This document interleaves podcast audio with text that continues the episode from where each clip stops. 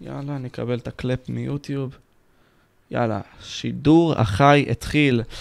אוף, איזה שמחה בוערת לי בלב מהסיבות הנכונות, ואני אסביר גם למה דוקטור טאוב. קודם כל, תודה רבה שהגעת לי לתוכנית. אני אישית, משה. אני אישית בתור בן אדם שראה אפילו את הדברים שעשית מ-1900 בסביבות ה-1990, את הדברים המצחיקים שעשית שם, הפינות המצחיקות שלך, ובכללי גם ה progression שעשית בתור, בין אם זה עיתונאי פובליציסט, למי שלא מכיר בעצם, דוקטור טאוב הוא היסטוריון, סופר, תסריטאי, כל ה... זה ה-usual stuff שאנחנו מקריאים, כן, עיתונאי, פובליציסט ישראלי, דוקטור להיסטוריה של ארה"ב, אה, בכללי מרצה בכיר באוניברסיטת העברי של אה, ירושלים, אה, ובין המבקרים הבולטים של הפוסט-מודרניזם, זה מה שרשום בוויקיפדיה, אבל בכללי אני אגיד שיש לו מערכונים מאוד מצחיקים, שגם ראיתי אותם. כן, זה כבר מלפני 30 שנה. כן, יותר, היית, 30. היית משוחרר ממש באותן תקופות.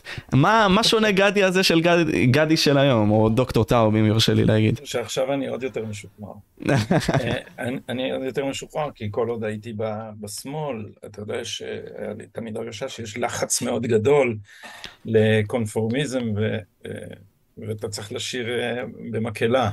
וכבר כשהייתי בשמאל התנגדתי לשמאל הקיצוני. כתבתי לפני 25 שנה ספר שנקרא המרד השפוף, שבגללו עד היום כתוב בוויקיפדיה שאני מבקרים הבולטים של הפוסט-מודרניזם, למרות שהמשכתי בא- באותו קו. אה, אבל כבר אז הייתי אה, נחשב בשמאל אחד שלא מספיק שר במקהלה, והיה, תקפו אותי הרבה מאוד. מה עניין אותך בכללי ברעיונות האלה של השמאל, בוא נגיד את זה ככה, מה תפס אותך?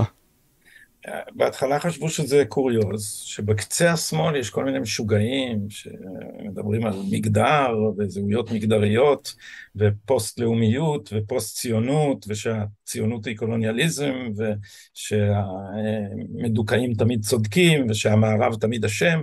אז חשבו שכתבתי על זה ספר, אמרו לי, מה זה עניין להתעסק בו, כמה פוסט-ציונים יש? והיום אתה רואה שכמעט עד אמצע המפה, שומע, נגיד אה, יש עתיד, כבר מדברים בשפה פוסט-לאומית, יאיר לפיד כבר לא אומר היהודים, הוא אומר הישראלים, הוא, אז הדבר הזה, הם לאט לאט הצליחו להפוך בדרגות שונות של אה, בהירות את הלאומיות לדבר מגונה ואת זכות ההגדרה העצמית של העם היהודי באופן ספציפי לדבר מגונה ואת הפלסטינאים לתמיד צודקים אה, ואת הנזק של הדבר הזה. אנחנו, אנחנו רואים עכשיו אה, פוליטית אצלנו בכל המערב. כן, כלומר, יש פה איזושהי תחושה גם שאותם אנשים שהם האחראים עלינו, האליטות בוא נניח את זה ככה, שעליהם אתה מדבר בספר שלך, הניידים והנייחים, אם אה, אנחנו טיפה ניגע בזה, אה, הם אותם אנשים שבעצם גורמים להרגשה של דימורליזציה אצל אותם צעירים, אצל אותם אנשים בכללי, לפחות בהוויה האישית שלי. אתה מסתכל על זה ככה? כן, כן, בפירוש. אה, כמו שאומר גיא בכור, הוא אומר, העיתונות, ואני ארחיב ואומר, האליטה, מנהלת לוחמה פסיכולוגית כנגד המפעל הציוני והציבור היהודי. אנחנו צריכים להרגיש אשמים, אנחנו צריכים להרגיש שזה לא בסדר שאנחנו שומרים על זהותנו, אנחנו צריכים להתבייש בעצמנו ומעשינו, בין ש... כשהם ראויים ובין כשאינם ראויים לבושה. ו- וברור שהדבר הזה מייצר דמוריליזציה, מפני שהוא מייצר ציניות, מפני ש... המפלט הרגשי היחיד שבו אתה יכול להרגיש שלם עם עצמך זה אם אתה שונא את הציבור שאתה שייך לו. אז זה דבר מאוד מאוד uh, מייאש. כלומר, אז מה מחזיק את אותו ציבור? בוא נניח את זה ככה, רק האידיאולוגיה הזאת בפועל? האליטה הזאת, מה מחזיק אותה? אני חושב שהאליטה הפכה את זה לטקס uh, של תחושת היטהרות. Uh, אני חושב שהאנטישמיות הופנמה על ידי האליטה הזאת במידה רבה.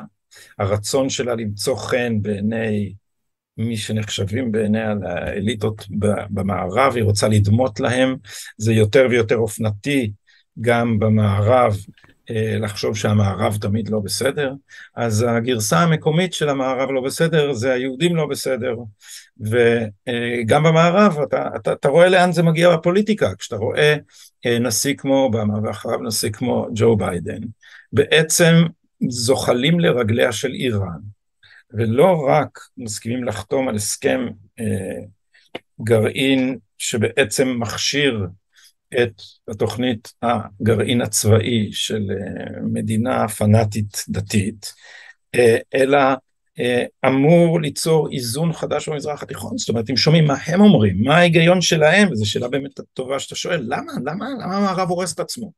אז התמכרו לרגשות האשם האלה, והם אה, מתייחסים אל הפוליטיקה כתיקון נפשי לרגשות האשמה שלהם, אז אנחנו צריכים, אה, אנחנו צריכים לרצות את האנשים שפגענו בהם. עכשיו זו תפיסת עולם מאוד אה, מאוד כוללנית, וכפי שאומר לפעמים ידידי דן שפטן, אומר, זה, רגשות האשמה על הקולוניאליזם, גם במקומות שלא היה קולוניאליזם. זאת אומרת, האחר הוא תמיד צודק, אצל הסעודים לא היה אה, קולוניאליזם. האיראנים, אה, לפחות באופן שבו המערב מספר את הסיפור, אז המערב כפה עליהם את השח, אה, והוא הודח על ידי מהפכה אותנטית, על ידי אייתולה חומיני וממשיכי דרכו.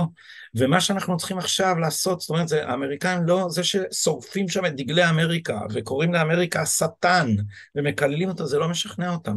זה דבר מאוד אה, נרקיסיסטי, הכל אשמתנו, ואז אם אנחנו נתקן את חטאינו, אז יהיה שלום. אז אובמה, ממש הייתה לו תוכנית, כשמסתכלים מהי התוכנית.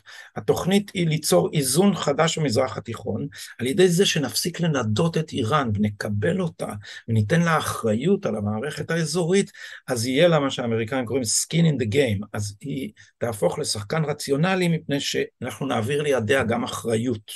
ואז תבוא, אנחנו נקבל אותה והיא תהפוך לאזרחית אה, אחראית בקהילת העמים של המזרח התיכון, שזה דבר כמובן מטורף, מדובר בפנאטים דתיים, האנשים האלה פשוט לא לוקחים אותם ברצינות, אם, אם אפשר להגיד עליהם משהו, ממשיכים את הקולוניאליזם, לא חוזרים בהם מהקולוניאליזם, הם עדיין מתייחסים אל האחר כאילו איזה ילד אה, טמבל שלא באמת מתכוון למה שהוא אומר, קצת נלטף אותו וזה יעבור. אז אתה אומר זה מין סוג של לופול שהם נכנסים אליו בסופו של דבר, כלומר יש פה איזשהו... בוא נניח את זה ככה חור בהשכלה שלהם, אבל בשביל לרצות את הנרטיבה הם יבואו ויעשו הכל, אפילו אם זה לבוא ולמכור ולעשות אפילו את המוות של עצמם, בשביל לבוא ולשרת את האג'נדה הזאת. נכון, אה, אה, דגלס מרי, העיתונאי וההוגה האנגלי, אה, שכתב, שני ספרים שלו תורגמו לעברית, אחד נקרא המוות המוזר של אירופה, פשוט מתאר איך אירופה מתאבדת בהתרפסותה לתרבות של האחר, כאילו בשם הנאורות. אבל מה זה, מה זה בשם הנאורות? בשם הנאורות אנחנו נקבל שרצח אה, על כבוד המשפחה זה בסדר, כי זה התרבות שלהם. אז ספר אחד שהוא כתב עוסק בלמה אירופה ממש מתאבדת על ידי זה שהיא לא רק מקבלת הגירה, אלא גם לא מטמיעה אותה, אלא מאפשרת לה לשמר את התרבות שלה, גם כשהתרבות שלה מדברת על הרס אירופה. זאת אומרת, אירופה מאפשרת להרוס את עצמה. בספר השני שלו, שמלא דוגמאות שהן צחיקות עצובות, נקרא uh, שיגעון ההמון, The Madness of Crowds, והוא, מתאר את התופעות המוקצנות עוד יותר, כשהוא עוסק ב... בין השאר באיזה, לאיזה מקומות מטורפים. הגיעה האידיאולוגיה של המגדר, שבה ילד בן תשע מודיע להורים שלו שהוא מחליף את מינו, וההורים משתפים פעולה, ולפעמים הממסד הרפואי כופה עליהם, גם אם לא משתפים פעולה, אה, לאפשר לו לקחת מה שנקרא puberty blockers, אה, תרופות שמעכבות או בולמות את הבגרות המינית, וחלק מהאנשים שנוטלים אותם הופכים עקרים לכל החיים. זאת ילד בגיל תשע מקבל החלטה והכל בשם זה שזה נאור, זה הרבה יותר נאור. עכשיו אתה, אתה רואה איך הנחש הזה מתחיל לאכול את זנבו. אמת. כי זה התחיל, התחיל עם ה, אה, כל הפילוסופיה הזאת של המגדר וההבניה החברתית והנשיות והגבריות, זה מה שאנחנו מחליטים שזה, ועד שמגיעים למצב שמה אה, שהתחיל כ... אה, העצמה של רעיון זכויות הנשים או כהקצנה של רעיון זכויות הנשים הפך לזה שגבר יכול להודיע שהוא אישה ואז להתחרות בנשים במקצועות השחייה וכמובן לזכות בכל המדליות. זה הזוי. כן, כלומר, שאתה... נגיד סתם נתת דוגמה באחד הרעיונות שלך, אם אני לא טועה, זה שגבר עצמו באוסטרליה אמר, אה, הוא היה אנס, הוא אמר בעצם שהוא מזוהה כאישה, הלך לאזור של הנשים והמשיך שם לאנוס. את הנשים... הלך לכלא של אנשים, כן. איזה הזיה. פשוט, פשוט הגיע אדם, הורשע באונס, הודיע שהוא החליף את מינו לאישה, ושלחו אותו לכלא נשים, ולא זמן רב אחרי זה, שתיים מן האסירות איכשהו נכנסו להיריון, כנראה מרוח קודש. וואו, וואו. מעניין שיש פה הרבה מאוד אנרגיות שכאלה, וזה מאוד הזייתי, כלומר, אני ראיתי גם שילדים בגיל שלוש יכולים לשנות את המגדר שלהם.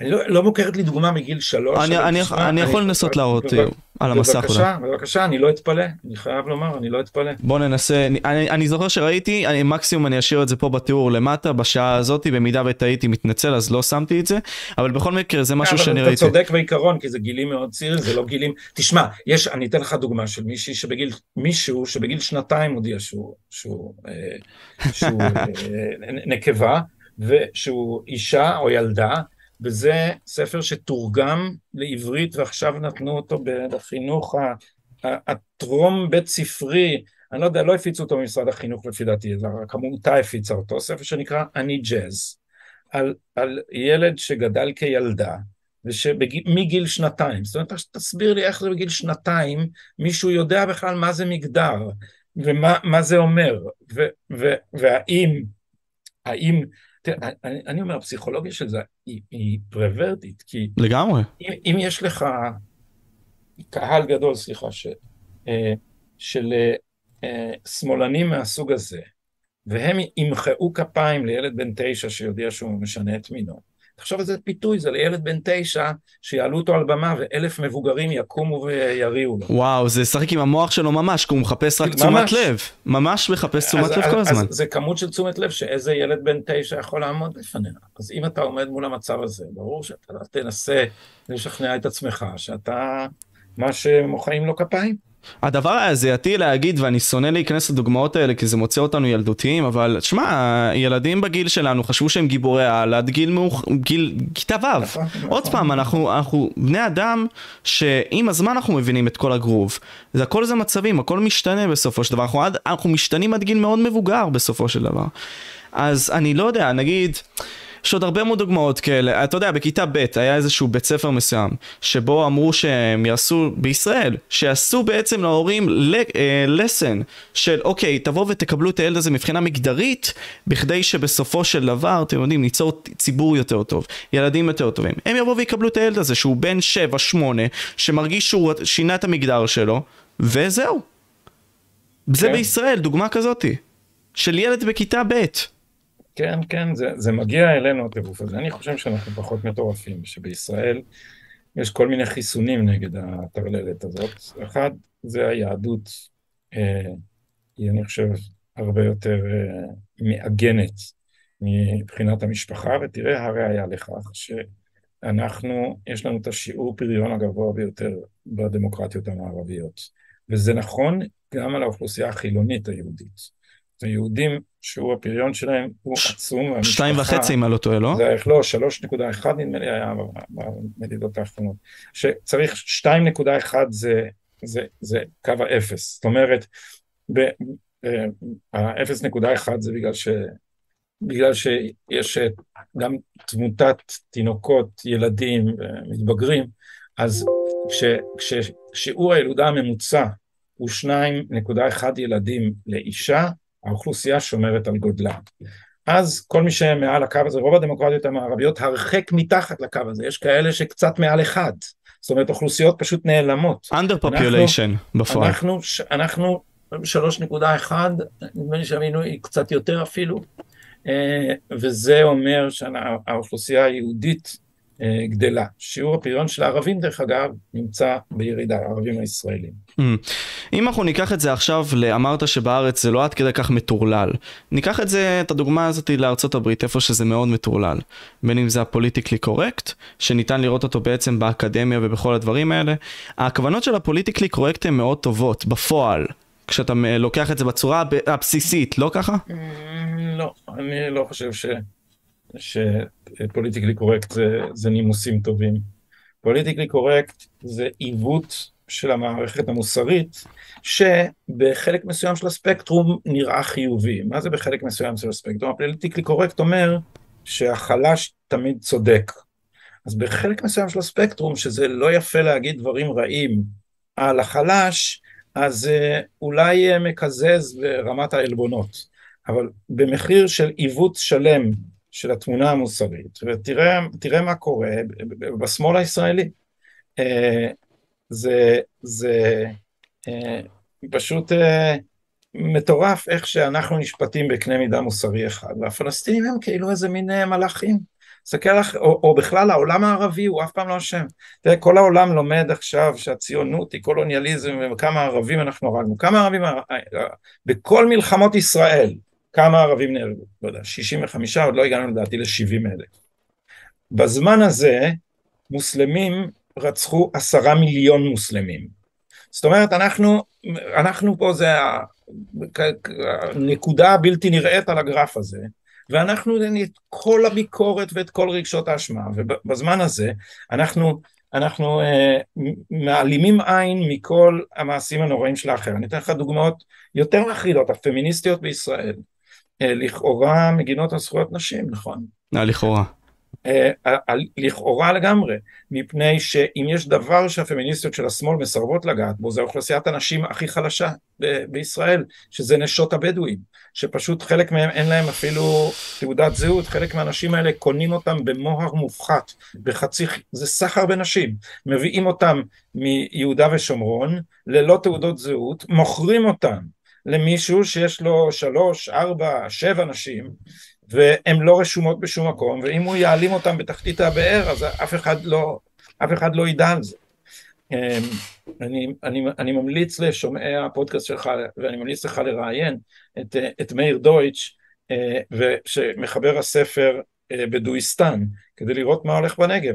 אז אני, אני יודע בוודאות שחבר כנסת מן הימין פנה לחברותיו הפמיניסטיות בשמאל, ואמר להם, תשמעו, זה באמת בעיה מאוד מאוד חמורה, אמרו, אנחנו לא נוגעים בזה. למה? כי אנחנו לא אומרים דבר רע על ערבים. זה פוליטיקלי קורקט. לא אומרים דבר רע על החלש. אז, אז לא אומרים דבר רע גם כשהוא רע. אז, אז זה שיש לזה תוצאה שלא אומרים עליו דבר רע כשהוא טוב, זה מה שבגלל זה נחשב ה politically correct לטוב. אבל לא, הכלל הוא שלא אומרים עליו שום דבר רע, נקודה, גם כשהוא רצחני. אז בסופו של דבר מה שאתה אומר לי זה דבר כזה. אתה אומר לי, אוקיי, ה politically correct אסור לדבר על הבעיות עצמן. שזה איזשהו מכשול מסוים. אה, ווואו, המסך שלי פה רץ לי מאחורה, בוא נגיד את זה ככה. אה, שנייה רק דקה, אני אתקן את זה. רגע. הופה. אפשרי גם לחתוך את זה בעריכה, אתה יודע, תוך כדי יוטיוב, לאחר מכן שעולה עליי ואפשרי לתקן את זה, זה היופי. גם אם זה קורה. יופי. מצוין. על כל פנים, אה, בפוליטיקלי קורקט אתה אומר שאסור לדבר על הבעיות עצמן. ואתה אומר שבסופו של דבר הם בוחרים את הבעיות שהן רוצות להתרכז בהן. אז אם לדוגמה, יש פה אי צדק שנמצא מול העיניים שלהם יבואו ולא ייתקלו בו כי זה לא משרת את האג'נדה שלהם ואתה בוחר בעצם את המלחמות שלך אבל בסוף אתה בוחר מלחמות השאלה איזה אתה תבחר ואיזה אויב אתה תרצה לבוא ולקחת איתך אה, כן אבל זה לא שהם בוחרים את המלחמות באיזה אופן מלאכותי, הם בוחרים את המלחמות על פי סולם הקדושה של הקורבנות. אז בסולם הקדושה של הקורבנות, אה, סוהרת שמסרסרים בה לטובת השקטת אסירים ביטחוניים, היא מושתקת. אה, השמאל מפיל את ועדת החקירה שאמורה אה, לחקור את העניין הזה, א', מפני שמדובר בערבים ואסור להגיד דברים רעים על ערבים כפי שאמרתי, ושנית בגלל ששקט עכשיו מפילים את ביבי ואסור להפריע למערכות אכיפת החוק, והכי בולט, זה היה כדי להשאיר את הקואליציה שהייתה תלויה בקולות של הערבים. אז תסתכל, השמאל הזה עושה צרחות בלתי נגמרות על זה שבשולי הימין יש מישהו שחושב שהומוסקסואליות זה חטא. אבל אין להם שום בעיה לשבת עם ווליד טאהא בקואליציה או להתמך על ידו והוא ממשיך להגיד שההומואים הם סוטים. אז אה, איפה ואיפה. כשאתה, כשהכלל המוסרי שלך הוא שהחלש תמיד צודק, אתה בסוף אה, מוותר על היכולת להבדיל בין טוב לרע, בין מעשה טוב למעשה עוול. כי כל מה שהחלש עושה אתה מקבל, טוב ורע, אה, מצווה או עוול. בסופו של יום זה מין סוג של טאקל כזה, כי הרי אנחנו מדברים פה על האופרסט, הבן אדם הזה שהוא בעצם נשלט, בוא נגיד ככה. כלומר, אתה אומר לי פה שאם אני מתמסכן היום, כמו שיש ברשתות החברתיות, שבן אדם עכשיו בא ובוכה על זה שהוא נגיד סתם בא ומקבל את האי צדק שלו מהעולם, אה, מראה את, את ההשמנה שלו וכל מיני כאלה, ונובר בה ומתלהב איתה כי הנרטיבה הולכת איתו וכל מיני כאלה, זה נותן לו עמדת כוח מסוימת? בסופו של דבר. לא, אתה, אתה לא יכול לעשות את זה לעצמך, כי אחרת, תראה, מי שהיו צריכים באמת להיות בתחתית סולם הקורבנות, או בראש סולם הקורבנות, תלוי איך אתה רוצה לומר את זה, זה היהודים.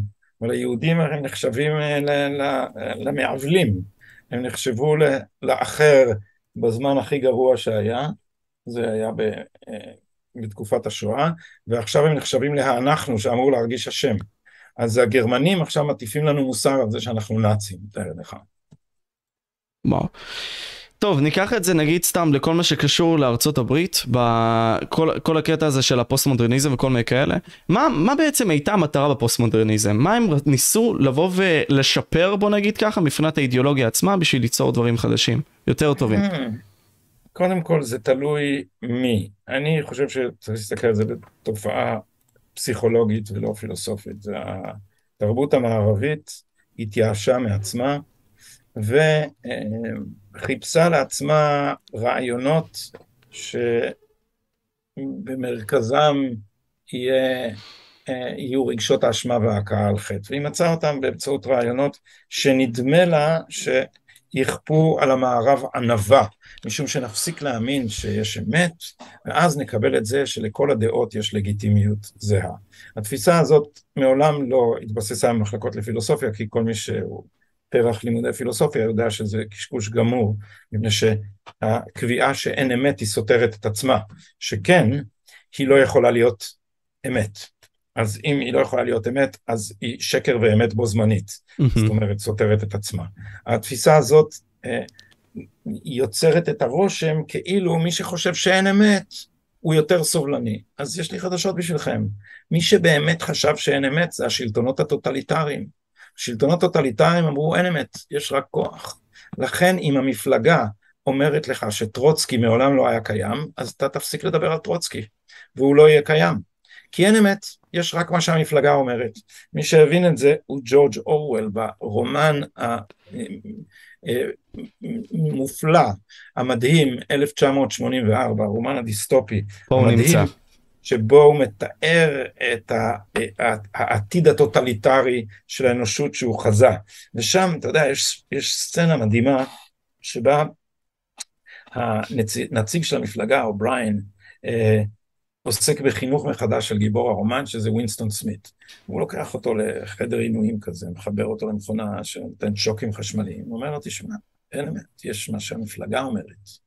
אז המפלגה אומרת ששתיים עוד שתיים זה חמש. זה האמת. ווינסטון אומר אבל, אבל זה ארבע, אז הוא חוטף שוק חשמלי. אז אובריין אומר לו, כמה זה שתיים ועוד שתיים? אומר לו, ארבע. נותן לו עוד שוק חשמלי, וככה זה נמשך עד שווינסטון סמית נכנע. כמה זה שתיים ועוד שתיים? הוא אומר, חמש. ואז הוא חוטף עוד שוק חשמלי. הוא אומר לאובריין, למה? אמרתי מה שרציתם. הוא אמר, כן, אתה עוד לא מאמין בזה. זה עולם שאין בו אמת. בעולם שאין אמת, יש רק כוח. ועל פי כך, מה שאורוול אמר בספר שלו, מי ששולט בהווה שולט בעבר, ומי ששולט בעבר שולט בעתיד. ו... ג'ורג' אורוול, כן. כן, נכון, אמת. הנה הספר עצמו, למי שרוצה לא לקרוא. אה, אם אנחנו ניקח את זה גם למימד אחר בקטע, בקטע הספציפי הזה, האינפוט שעל פיהם אותם אנשים מנסים לעשות, זה בעצם לשפר ולייפה את כל העניין הזה של צדק, של כאב. לא, בעצם הם לא מתעסקים בכאב, זה הקטע. הם מנסים פה להראות איזשהו צדק מסוים. והם מכניסים את זה באינפוט של האנשים. אז הם מצפים בעצם להכניס חמלה וטוב וכל מיני כאלה באינפוט של האנשים בשביל לשנות בעצם את האאוטפוט. אבל בפועל אנחנו רואים פה התנגדות עזה מפי האנשים, כי בסופו של דבר יש הרבה מאוד אנשים שיוצאים נגד זה. איך, איפה אתה חווה את זה ואיפה אתה רואה את הטרלול הזה בא בצורה הכי קיצונית שלו? אה, והאם אפשרי לראות את זה נגיד סתם באקדמיה בארצות הברית בצורה הכי מובהקת? אני לא יודע איפה בצורה הכי מובהקת, זה כבר פשע בכל מקום, זה בפוליטיקה, זה בעיתונות, זה באקדמיה, זה באומנות. אה, באומנות זה מאוד מאוד חמור בעיניי, כיוון שהאומנות אה, הפכה פחות חופשית. אתה כבר לא יכול לכתוב, או, אני לא, אתה יודע, אני לא מציית לכללים האלה, אז כשאני כתבתי את אלנבי, אז כאילו, הכי, הכי לא פוליטיקלי קורקט בעולם. נכון. אבל, אבל באופן עקרוני, מחרימים אותך על זה שאתה, אה, שלא עשית את המדוכא טוב. אז כאילו, אם, אם יש אישה ברומן שלך שהיא במקרה חלשה, אז אתה מבנה חברתית את החולשה של אנשים, אתה תורם להחלשתם. אז מה נשאר לנו? במקום אומנות יש חינוך. אז עכשיו אנחנו צריכים רק אה, לטרטר באופן מונוטוני, ומה נהיה? סרטים של הוליווד, אתה כבר לא יכול לראות אותם. אתה לא יכול לראות אותם, אתה יודע, בס... אתה... למה? כי אתה יודע מה יקרה בסוף. אתה יודע שהסוף צריך להיות חינוכי, אז אתה יודע שהאישה תתעצם, אתה יודע שהשחור יהיה טוב, אתה יודע שהלבן יהיה רע, ואתה יודע שהמעשן הוא הרוצח. כאילו, מה, כאילו, אז בסוף אתה נשאר עם מה? עם, עם וונדר וומן. כן. עם סרטים שהם, שהם קשקשת של, של מרוויל הירוז, שהם בכלל לא משחק ולא עלילה, הם פשוט אה, סדרה ארוכה של אפקטים אה, מרהיבים. בשביל טוב. להעביר איזושהי אג'נדה מסוימת שנעימה להם, שמי אה, שסובל זה מי זה... שצודק. אז במקום זה בואו נעשה משחקי וידאו, למה צריך בשביל זה לטרוח בתסריטאות? בכללי כל העניין הזה של ה... פוסט מודרניזם, בוא ניקח אותו ככה, לדעתי מושקע באיזשהו אינדיבידואליזם קיצוני, אם אני לא טועה. אני צודק לדע... לדעתך? כן, אני, יש לי ויכוח בעניין הזה, שאני חושב שלא כדאי שניכנס במלוא עומקו כאן, כי שלא נטיש את מאזיניך, אבל רוב הימין שמבקר את הפוסט מודרניזם רואה בו אה, אה, מרקסיזם תרבותי, או תולדה של המרקסיזם, אני חושב שזה תמונה חלקית שצריך לראות בו אינדיבידואליזם קיצוני. כי אם אנחנו מסתכלים על זה שהיהלום בכתר הפוסט-מודרני הוא הטרנסג'נדרים, אז מה זה טרנסג'נדר? זה בן אדם שקובע את הכל על עצמו, שבעצם בורא את עצמו. זו תפיסה אמריקאית של ה-self-made man, שהרחיבו אותה עכשיו ל-self-made. Uh, אבל אבל זה אותו דבר, זה רק אני אחליט מי אני, שזו תפיסה אינדיבידואליסטית מאוד מאוד קיצונית ולא ריאליסטית, כי האדם הוא יצור חברתי ולא רק הוא מחליט מי הוא. אז דיברנו לפני כן על הפוליטיקלי קורקט, ובסופו של דבר זה הניסיון לתקן את העוולות בשיח, בעצם ליצור איזשהו משטור בתוך עצמו, ולדעתי זה יוצר מין סוג של לופ אינסופי של חוסר התבטאות, כי תמיד יש עוולות, תמיד יש אי סבל, אנחנו בני אדם לא מושלמים וכל מיני כאלה.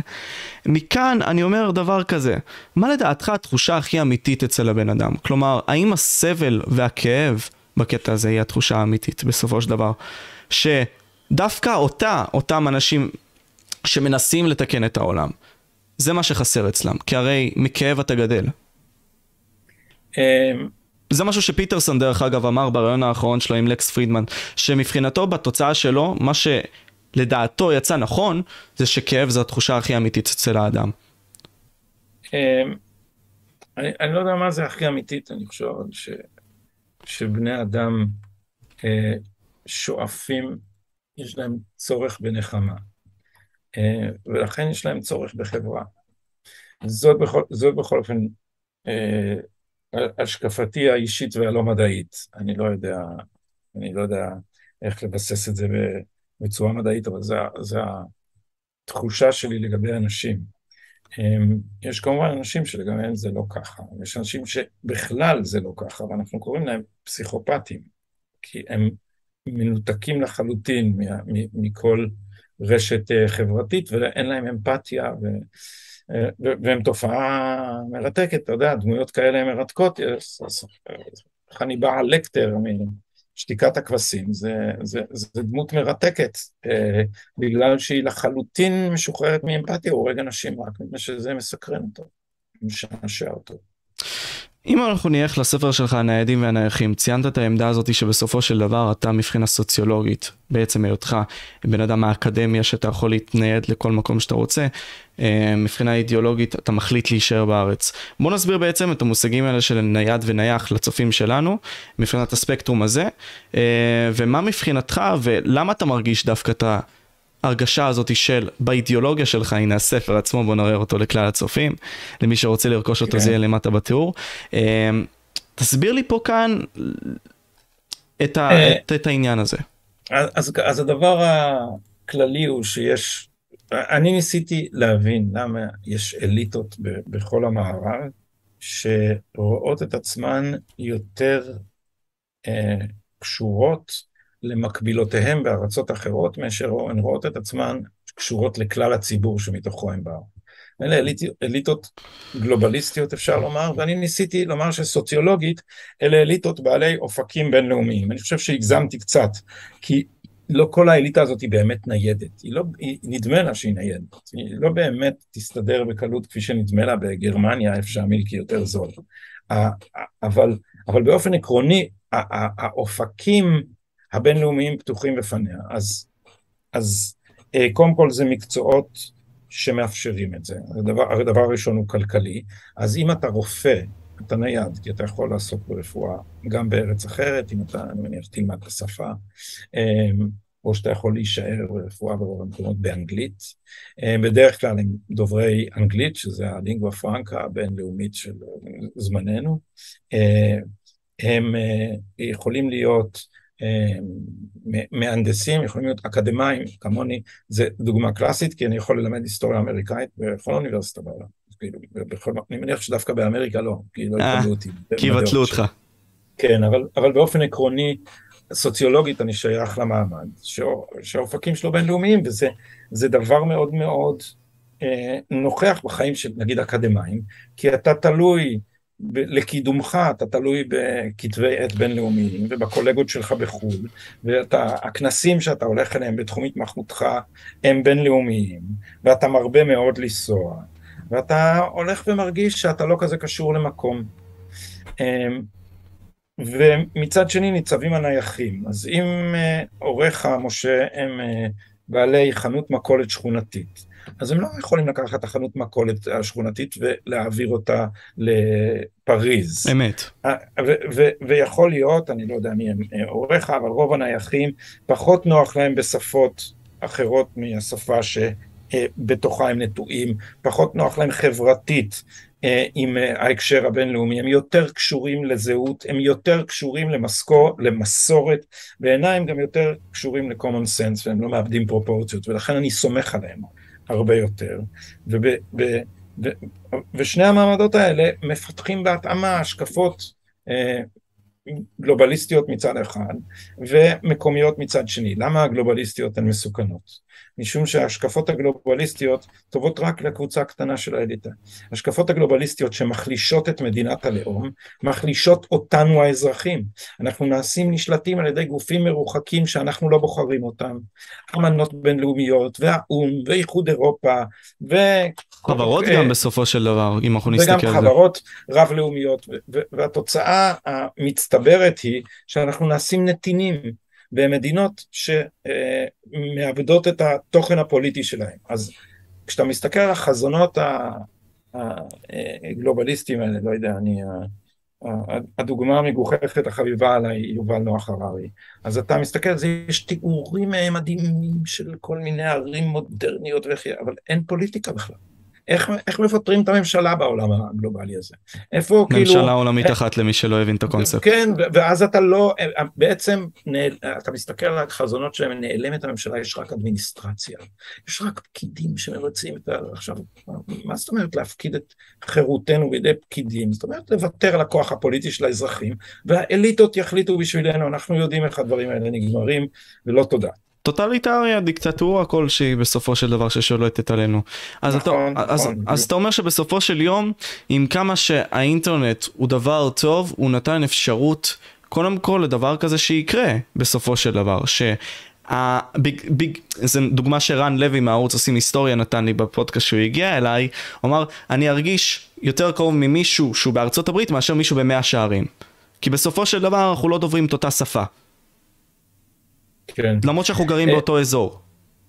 אז החרדים זה דוגמה בעייתית בהרבה אה, מובנים, מכיוון שאתה יודע, אני יכול לדמיין טיעון על החרדים כחצי ניידים. אם החרדים קשורים רק בעולמה של תורה, אז, אתה, אז באמת יש, יש חרדים שלא מפריע להם לגור בברוקלין. אה, ציבור חרדי גדול לכן. כן. אז זאת, אני, אני לא טוען גם שהקטגוריות האלה מתאימות לכל דבר. תשים לב למשל, שהרבה פעמים המיעוטים, נגיד אצלנו ערביי ישראל, תומכים במפלגות של הניידים, כי המפלגות של הניידים הן אנטי-לאומיות, והמיעוט יש לו אינטרס להחליש את הלאומיות. אז יש ברית בין הניידים לבין מי שהם בכלל לא ניידים, זאת אומרת לגמרי נייחים אה, סוציולוגית והם נמצאים חלק מהשכבות העניות. מצד שני ישנם גם ניידים עניים, אז לניידים של האליטה יש אה, גם פרולטריון נייד ששובל ממנו נשרך אחריהם וזה מהגרי עבודה. בכל מקום הניידים הם בעד גבולות פתוחים שיאפשרו למג... לכוחות עבודה זולים לבוא ולשרת אותם. אז אנחנו רואים, אה, אתה יודע, אני חבר של שפי פז, אני נלחמת באומץ את מלחמתם של הנייחים, אז uh, המעמדות העליונים בעיתונים שלהם הם יטיפו בעד המסתננים, אבל העניים בדרום תל אביב, השכונה שלהם תהפוך לאריתריאה שמדברת בשפה זרה, ששיעור הפשיעה בה הוא פי שלושה עד ארבעה מהמתועד, כנראה יש הרבה יותר. אה, מאשר בשאר הארץ, וה, והבניינים שגר בו, אתה יודע, זה, זה, זה, זה ניצולת שואה שגר בקומה אה, רביעית בחדר מדרגות שכולו מלא צואה וריח שתן ואף אחד, אין ועד בית אז אף אחד לא מתקן את הנורות ונרקומנים מסתובבים ברחוב, זו שכונת עוני נוראית אז, אז היא, החיים שלה נרמסו ואם היא מעיזה לצייץ זו אומרת גזענית. הרי אתה אומר לי בעצם שהמיעוט עצמו מקבל כוח, הרי בפוליטיקה אנחנו ניקח את זה נגיד רע"מ, דוגמה טובה לא, בסופו של דבר. זה, לא? לא בדיוק. לא, לא בימים בדיוק. שלנו, אני לא אומר שזה הדבר הנכון, אבל בימים תלוי, שלנו. תלוי איזה מיעוט ואיזה כוח. אני, הפוליטיקה קורקט וכל התפיסות הרב תרבותיות האלה והאנטי-לאומיות האלה והניידות האלה, זה הכל שמות דומים, שמות קרובים לאותו דבר, לאותה אליטה שיש לה מוסר צבוע שלא באמת עוזר לחלשים, אבל מעלה אותם על, על נס באופן תיאורטי, ובאופן קונקרטי, אני לא יודע, אתה יודע, כל אלה שתומכים במסתננים וזה וזה, הם מייצרים רובעי עבדים בשולי הערים הגדולות במערב, שהמשטרה לא מעיזה להיכנס אליהם, ומי סובל? מי שסובל זה קודם כל אה, מהגרי העבודה עצמם, שהשכונות שלהם הפכו למקומות ש, ש, שהמשטרה לא, לא עושה בהם סדר. לא יודע, היה פה איזה מאבק, היה איזה, איזה, היה איזה פדופיל, אה, אריתראי או סודני, אני לא זוכר, שהורשע, והצדיקים האלה מאיזה משרד אה, עורכי דין כזה נלהב פוסט ציוני שנלחם במדינה היהודית הדורסנית ומתנגד לכיבוש, נאבק על לשחרר את האריתריאה הזה ממשמורת, והוא אנס את הילדה של החברה שלו. וואו. לא את, ה, את הילדה שלנו, של, של, של, של תושבי השכונה היהודים הישראלים, אלא את, בתוך הקהילה שלו. אבל למה אתם נאבקים לשחרר אותו? כי באופן עקרוני, אם הוא שחור, אז הוא צודק. יש פה אפליה גדולה גם לציבור היהודי, אם אנחנו ניקח את זה לחו"ל עוד פעם בסופו של דבר לארצות הברית. יבואו ויתייחסו לשחור בצורה טובה, אבל אותו יהודי בסופו של דבר גם היה במין סוג של שואה כלשהי. במין סוג של שואה כלשהי, הוא באמת סבל, הוא באמת היה עבד לאיזשהו שלב די גדול של הזמן. איפה אנחנו רואים את, לאן אתה רואה העולם הזה הולך? כלומר, מבחינת האנשים עצמם, מבחינת ההתנהגויות שלהם. הרי אנשים כמוך וכמו אנשים מהימים עצמם, בין אם זה בחו"ל פיטרסון, אה, מרי דיברת על זה בבריטניה וכל מיני כאלה, הדארק ווב, בוא, נג, בוא נקרא להם ככה, אינטלקט. אה, אתה חושב שזה יספיק לעזור בעצם בשביל לשנות את המקום הזה שאנחנו נמצאים בו בהיסטוריה? לא, אני חושב שכל הממסדים אה, נאחזו בזה ממש אה, על סף ריקבון. אמרתי שבישראל יש יותר סיכויים כי בישראל יש מבחן, אה, מבחן, מציאות, בוחן מציאות הרבה יותר קשוח, וכשתהיה כשתהיה פה חלילה איזה, שיהיה פה חלילה פוגרומים יותר גרועים ממה שהיה במאי האחרון, מבצע שומר חומות, אז הציבור הישראלי לדעתי גם האליטה הישראלית תתפכח מהר אה, מאוד מחלומותיה על מדינת כל אזרחיה. פשוט אתה יודע, כל, כל, כל אלה שרוצים שתהיה פה מדינה לא יהודית, אה, מדברים כאילו זה יהיה יותר דמוקרטי, אבל אם יהיה פה רוב ערבי, יהיה פה מדינה יותר דומה למדינות ערביות אחרות, שזה לא מאוד דמוקרטי. אז בעצם, מה המרכיב השונה לדעתך, שבעצם הוא זה שמרכיב את המדינה שלנו, מדינת ישראל? מה מחזיק אותנו? מה אמור להחזיק את הצעירים נניח היום, לדעתך? אה, זהותם. ואני חושב שרבים מהם לא מוכנים לוותר עליה, ובצדק, זהות זה דבר מאוד בסיסי לאדם, כפי שאמרתי, האדם הוא יצור חברתי והוא זקוק לקהילה, והניסיון לדכא את הלאומיות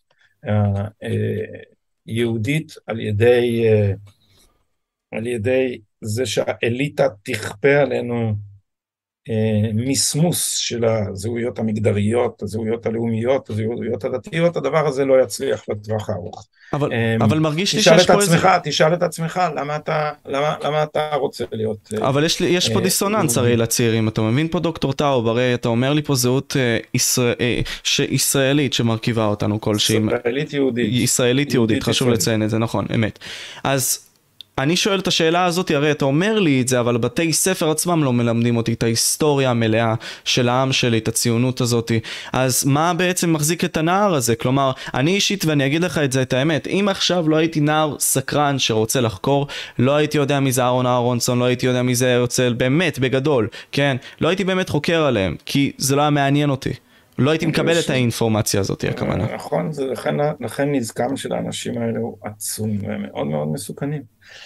ולכן צריך להיאבק על מערכת החינוך. או כמו שבאמריקה במידה גוברת, שהטרלול כבר הגיע לרמות אה, מטורפות, אנשים אה, מוציאים את הילדים שלהם אה, מבתי הספר.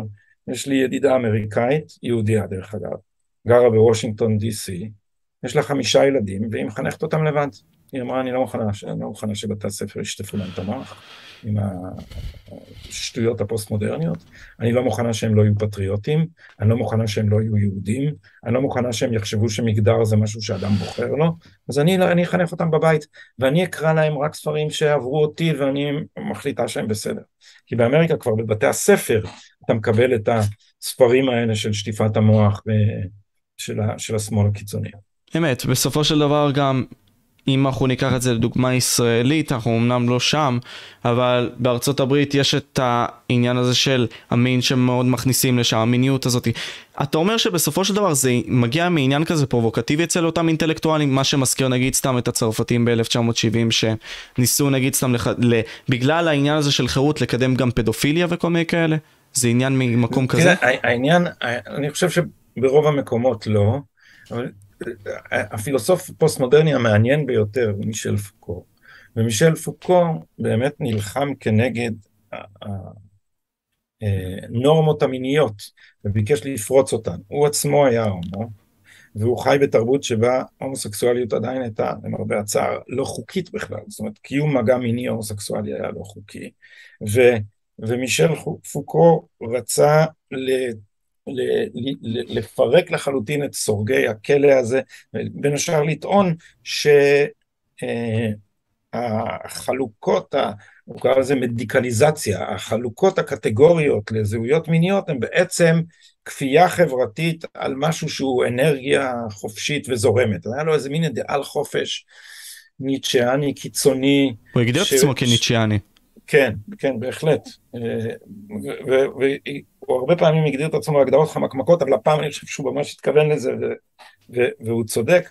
הוא עשה ניסויים מאוד קיצוניים, עם מין וסמים וכל מיני דברים, בסוף אגב מת מאיידס. אה, וסירב לקחת תרופות כי הוא לא רוצה להשתתף בשיח הרפואי, לא שהיה כאיזה מי יודע מה תרופות טובות נגד איידס בשנת 84 כשהוא מת. אם אנחנו ניקח את זה עכשיו לנושא אחר, אתה, אמנם זה נושא קיצונית אחר, בגלל כל הדברים שאתה עשית, בגלל כל השיחות האלה שנתת בסופו של דבר, בפודקאסט 100 הגעת לנתניהו. אה, ומעניין אותי קודם כל, מה בעצם היותך בן אדם שהוא נמצא בימין, מזוהה עם הימין, אפשר להגיד גם ביביסט. אה, מה בפועל למדת מהבן אדם הזה ככלל? אה, בין אם זה בזמן שראיינת אותו ובין אם זה גם בכללי כשאתה בא נמצא בסביבה שלו? תראה, אני חושב שקודם כל, בדברים העקרוניים, נתניהו צדק, ואני טעיתי.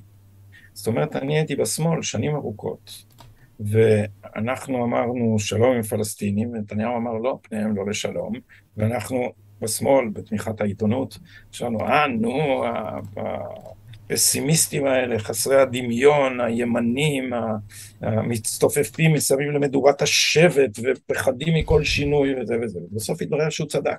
הוא צדק, גיליתי גם אה, כלכלית, הוא צדק בעוד הרבה מאוד עניינים אחרים, והתקשורת uh, מעוותת את זה ומשקרת לגביו. Um, אז אני לא אוהב את המונח ביביסט, מכיוון שהמונח ביביסט מרוקן מתוכן את התמיכה של אנשים בנתניהו. כלומר, מנסה לרמוז שזה בעצם הערצת אדם ולא אה, אמונה בדרך, ואני חושב שזה לא נכון. אני חושב שהימין הרבה פחות מבולבל מהשמאל. השמאל נוטה להיות גלובליסטי, לשגות בכל מיני חלומות אוטופיים על אה, בלתי ניתנים להגשמה, או גרוע מזה, מתבטא בשם האוטופיות שלו ל... אה, לקומוניזם שיעצב אותנו מחדש, והתוצאה היא טוטליטריות. אז מכל הכיוונים האלה בסופו של דבר הגעתי לימין, ואחר כך גם כלכלה לצערי אני לא מבין מספיק, אבל אה, לאט לאט אה, אה, קיבלתי את הרושם שגם התוכניות הכלכליות של השמאל הן כושלות, והתחלתי, ברמה מופשטת, אני לא, אני לא, לא ברמה של מדיניות כלכלית קונקרטית, לקרוא מבקרים כמו תומאס סואל, אני ממליץ למאזיניך אה, לקרוא את המבוא של תומאס סואל לכלכלה, Basic Economics, אה, ואז אתה, אתה רואה שדברים שבעצם היו צריכים להיות ברורים ומובנים לאזרח בעל אוריינות פוליטית סבירה, מטשטשים לנו אותם. ותומאס סואל עוזר לעשות סדר, הוא תלמיד של מילטון פרידמן. וגם בעניין הזה נתניהו, אה, נתניהו היה זה שצדק, אנחנו, כשנתניהו הגיע לתפקידו לראשונה, התל"ג הממוצע לנפש, התוצר הלאומי הגולמי לנפש בישראל היה 19 אלף דולר בערך, ועכשיו הוא יותר מכפול מזה. אז, אז בסדר, אז צריך ללמוד מהניסיון, וכשטועים צריך להגיד שטועים. אז אני בהדרגה מצאתי את עצמי מתרחק מחבריי בשמאל, כי דבר אחרי דבר גיליתי שמה שהם אמרו לא עובד. אז הם נשארים עם מה שלא עובד, והדרך היחידה להמשיך לשכנע בזה אנשים היא לשלוט במוחם על ידי שליטה בנרטיב, על ידי זה שהשמאל שולט בעיתונות, שולט באקדמיה, שולט באומנות, במערכות המשפט. שנקרא כן, ושולט מה שנקרא ייצור הידע. ולכן אה, הציבור מאמין בדברים אבסורדיים שהשמאל ממשיך למכור לו, ואני לא, אני לא אה, מוכן להמשיך לשתף פעולה עם מה שאני למיטב הכרתי והבנתי, כמובן אני לא, זה לא שאני נביא וראיתי את האור, אבל למיטב הבנתי והכרתי הם דברים מוטעים ואני לא מוכן להמשיך לדקלם אותם. האם יש עדיין באידיאולוגיה שלך אה, כאלה פנים שהם עדיין של שמאל נניח, אם אנחנו ניקח את זה ככה, כלומר, באידיאולוגיה שלך, או שאתה באמת ימין מגדיר את עצמך? לגמרי אני מגדיר את עצמי כימין. אני כמעט לא נותר דבר מימי ההשקפה השמאלית שאני לא, לא נותר אבן על אבן. פשוט עולם שלם של שקרים. אם אנחנו עכשיו ניכנס לנתניהו, הרי עשית איתו את הפודקאסט וכל מיני, אה, שאלת אותו הרבה מאוד שאלות. מה בעצם מעניין בבן אדם הזה לדעתך? למה אתה חושב ש... איזה דבר הופך אותו לנתניהו לדעתך? לבנימין נתניהו. אה, אני לא יודע אם יש דבר אחד שהופך אותו לבנימין נתניהו. אני חושב שמדובר באדם יוצא דופן עם כישרונות יוצאים, יוצאי דופן, גם עם חסרונות וטעויות. בעניין מערכת המשפט הוא לגמרי טעה. אה, הוא, הוא אפשר לה אה, לגדול ולצמוח לממדים המפלצתיים מערכת המשפט והאכיפה והפרקליטות והמשטרה, אה, שפשוט השתלטו על חיינו, נושא שאני עוסק בו בפודקאסט שלי, כמו שאתה יודע, ללא הפסקה. אה, אבל אני חושב שהדבר שמפריד אותו מרוב הפוליטיקאים כרגע זה קודם כל השכלה. בן אדם יש לו השקפת עולם שמבוססת על ידיעה עמוקה של היסטוריה, שמבוססת על הבנה עמוקה בכלכלה, כולל הכשרה אקדמית בכלכלה, אה, על קריאה מתמדת, אה, את אה, כמות הספרים שנתניהו קורא בשנה אחת, אני, כל מנהיגי האופוזיציה, מפלגות האופוזיציה לא קוראים בכל חייהם, הם מצרפים אותם כולם יחד, אני אולי מגזים. מגזים, כן. אז, אז מדובר באדם שהוא מליגה אחרת, ובאמת לא במקרה, הוא הצעיד את ישראל קדימה באופן מדהים, ועומד להיות, כשיסתכלו היסטורית על התקופה הזאת, אני חושב, ש, אני חושב שהוא יהיה ב, באותה ליגה עם דוד בן גוריון, בין מעצבי ישראל. בנוגע למשפט נתניהו, מה אכן אתה תופס שהוא לא, לא, הרי אתה מדבר על זה כל כך הרבה בפודקאסט, אבל למי שלא שמע את זה, מה אתה תופס שהיה שם לא נכון מבחינת הדקויות ומבחינת ההסבר? אני זוכר שאמרת דבר שהוא מאוד היה נכון, העניין הזה של השקיפות לקהל, שאני חושב שאם יש בן אדם שהוא כל כך משפיע על הריבון, כי בסופו של דבר הריבון בחר בו. משה, אז... אנחנו נצטרך לסיים, אני לא יודע, אתה לא רואה את ההודעות, אבל שלחתי לך בצ'אט אה, כמה הודעות שאני ממש, אה, נותרו לי דקות ספורות. אז בוא נתכנס, או אם אתה רוצה לחתוך את הקטע הזה, אז תשאל שאלה ואני אענה. אין בעיה, אני יכול לשאול, לשאול על זה שתי שאלות ברשותך, של כמה דקות? בקיצור, כן. אמ, בנוגע לבעצם מה שמניע אותך בתור בן אדם. אמ, אם ניכנס לרובד העמוק הזה של דוקטור טאוב, מה בעצם מניע אותך לדעתך? מה בעצם גורם לך להיות בבוקר בן אדם שנושא את המורשת שלך בסופו של דבר וגורם לה לבוא ולהיות קדימה? אני לא, לא יודע, יש לזה צדדים אישיים שאני לא, לא, לא בהכרח מרגיש צורך לדון בהם בפומבי. הצדדים הציבוריים מובנים, הזהות היהודית יקרה לי, מורשת אה, יקרה לי, מדינת ישראל יקרה לי, אה, השפה העברית יקרה לי, התרבות שלנו יקרה לי, ואני רוצה להגן עליהם מפני מהרסיהם.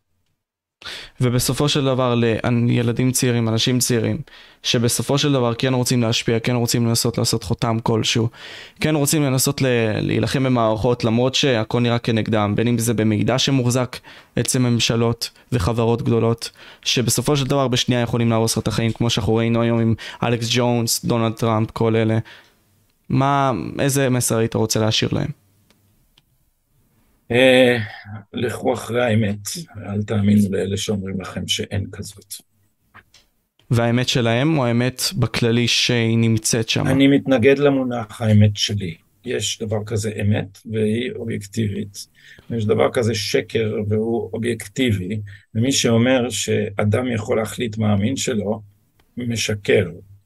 אה, אני מבין שיש אנשים שתחושתם הסובייקטיבית לא מתיישבת עם גופם האובייקטיבי, אבל עדיין יש להם גוף אובייקטיבי, אה, אני מכבד אותם, אני לא אומר שצריך לכפות עליהם משהו, אני, יודע, דווקא בכל הנוגע למוסר מיני, אני יותר מתירני מרוב האנשים האחרים, אבל אל, ת, אל תסכימו לשתף פעולה עם שקר שאתם רואים שהוא שקר.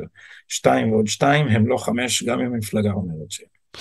תודה רבה לך דוקטור טאו, מאוד מעריך אותך, מאוד אה, תודה רבה לך על הזמן. תודה משה, שמחתי להתארח בפודקאסט שלך. ומקווה בסופו של דבר שאנשים פה יצאו עם מסרים טובים וינסו להשפיע ובסופו של דבר לתת אינפוט חיובי בלי להשתיק קולות של אחרים.